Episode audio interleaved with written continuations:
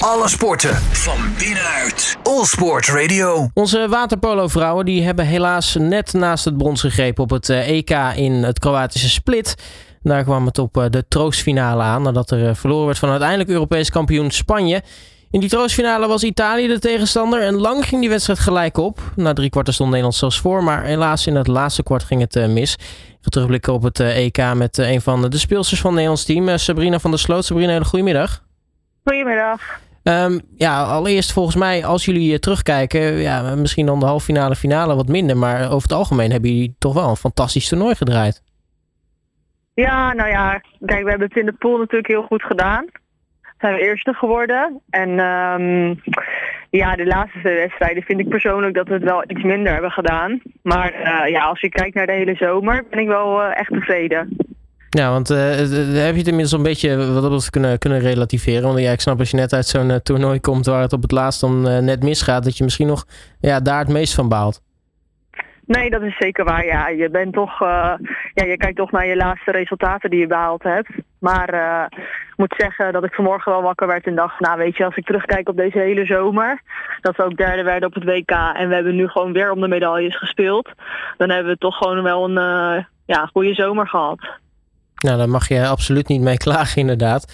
Uh, ja, terugkomend op het, uh, op het EK. Um, ja, jullie begonnen heel erg sterk in de groepsfase. Uh, hele mooie scores neergezet. eigenlijk ook in de kwartfinale tegen Frankrijk. werkelijk waar Frankrijk weer helemaal weggespeeld. Um, dan komt het in de halve finale. Komen jullie Spanje tegen. Een, een, land wat volgens mij nou ja, best wel lastig te kloppen is. Ja, de, wij hebben in het verleden wel een paar keer gewonnen van Spanje. Dus het is niet dat we, ja, dat we hun niet kunnen verslaan. Maar uh, ja, zij uh, hebben gewoon wel de afgelopen tien jaar bijna altijd in de finale gestaan. Zowel mondiaal als uh, Europese toernooien. Dus gewoon een ploeg met heel veel ervaring, heel veel kwaliteit. En dan merk je toch wel dat wij gewoon een, ja, een nieuw team hebben, nog in opbouw zijn. En dan in zo'n wedstrijd ja, iets minder ervaring hebben, waardoor we gewoon die wedstrijd verliezen. Nou, dat is dan denk ik niet, niet een schande als je dan uh, een, een, ploeg hebt wat in opbouw is, wat het dan opneemt tegen uh, nou ja, een ploeg wat inderdaad, zoals je zegt, uh, bijna altijd zeker is van een finale. Nee, dat is ook zeker geen schande. Alleen we hadden als ploeg wel het gevoel dat er meer in zat en dat we op dit toernooi dat wij beter waren. Dus dan is het toch wel teleurstellend als dan op het moment dat het echt moet, dat het er niet uitkomt. En is, is dat dan toch een, een, ja, een kwestie dus van die, van die ervaring, zoals je het zegt? Ja, ik denk het wel. Want we hadden zeker kansen in de wedstrijd om, uh, ja, om het om te keren, om voor te komen en uiteindelijk wel te winnen. En ja, die kans hebben we niet gegrepen omdat we gewoon misschien te gretig waren of te gehaast. En dat is zeker wel ervaring. Nou, uiteindelijk uh, Spanje door een finale. Nederland uh, nam het dan op tegen Italië. Die verslagen werd door Griekenland in de halve finale. Um, ja, die wedstrijd tegen Italië was, was denk ik het, het einde wat de wedstrijd besliste. Ja, dat is zeker waar. Ja, we begonnen natuurlijk met een achterstand. En toen uh, in de derde periode konden we dat omdraaien naar uh, twee doelpunten voor. En uh, inderdaad op het eind gingen zij, de laatste periode was 6-1 voor Italië. Dus dat is natuurlijk gewoon echt niet zo goed. ja, en toen is het gewoon beslist. toen konden we ja, eigenlijk weer hetzelfde als tegen Spanje. Gewoon weer dat we gewoon niet de rust hadden om het uit te spelen eigenlijk.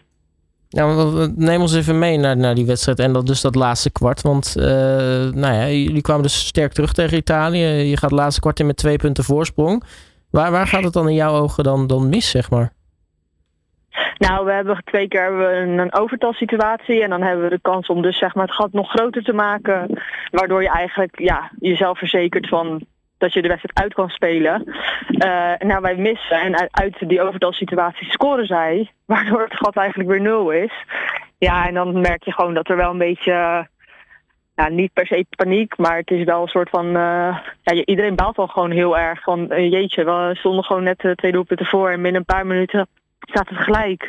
En dan krijgt natuurlijk de tegenstander, ja, die komt dan een beetje in de flow en die, ja, die gaat gewoon vol overheen. En dat is gewoon, uh, gewoon iets waar wij gewoon uh, ja, van moeten leren en beter in moeten worden. Dat we dat gewoon vast kunnen houden.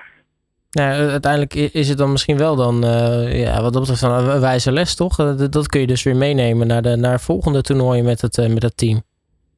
Nou, dat is het zeker. En in die zin ging deze zomer natuurlijk ook niet echt ergens om. Want wij kunnen pas ons aankomende zomer weer kwalificeren voor de Olympische Spelen. En natuurlijk, we willen altijd presteren en altijd om de medailles gaan. Maar ja, als we realistisch keken naar het begin van de zomer en met een WK nog uh, anderhalve maand ervoor, dan is het natuurlijk wel gewoon goed dat je nu weer om de medaille speelt. En inderdaad wijze lessen kan trekken uit dit soort wedstrijden.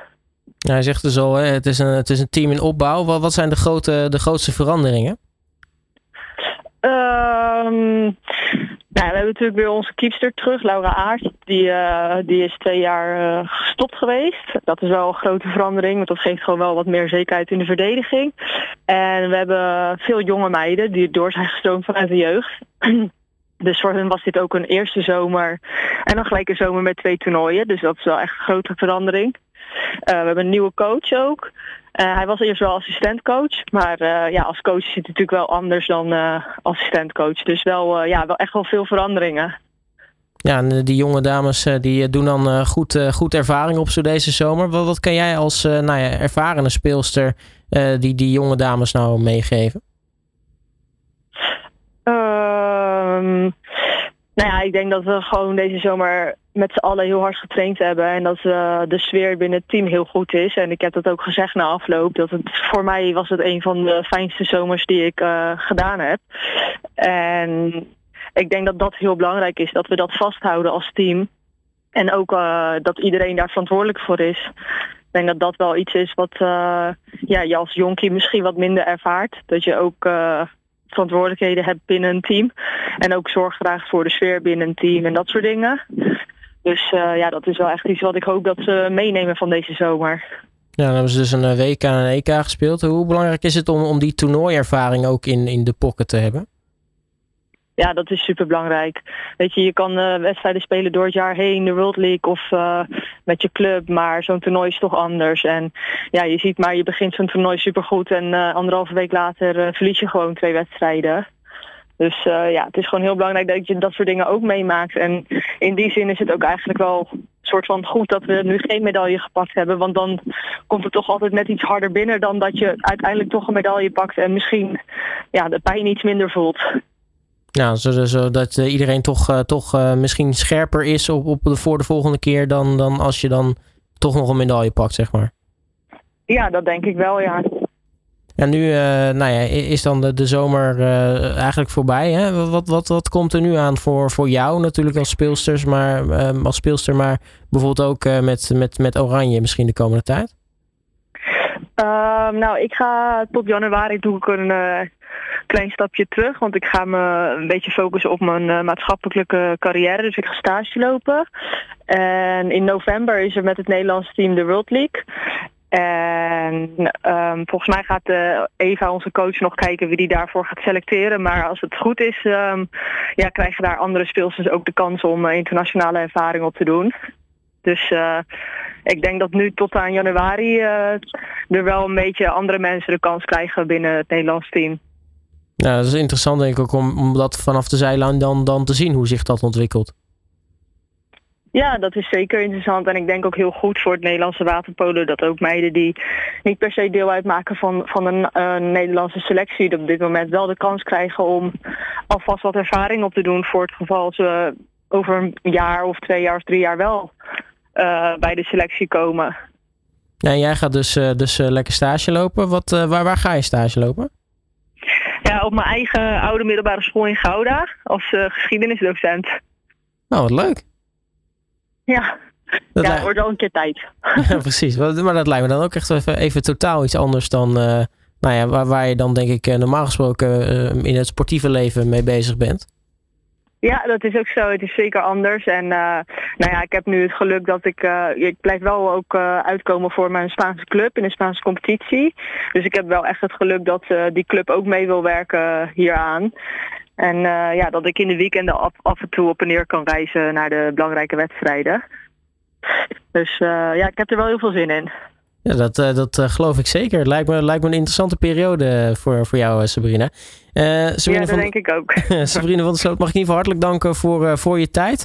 En natuurlijk heel erg veel succes met nou ja, je, je stage dan de komende tijd. Ja, dankjewel. Alle sporten van binnenuit. All Sport Radio.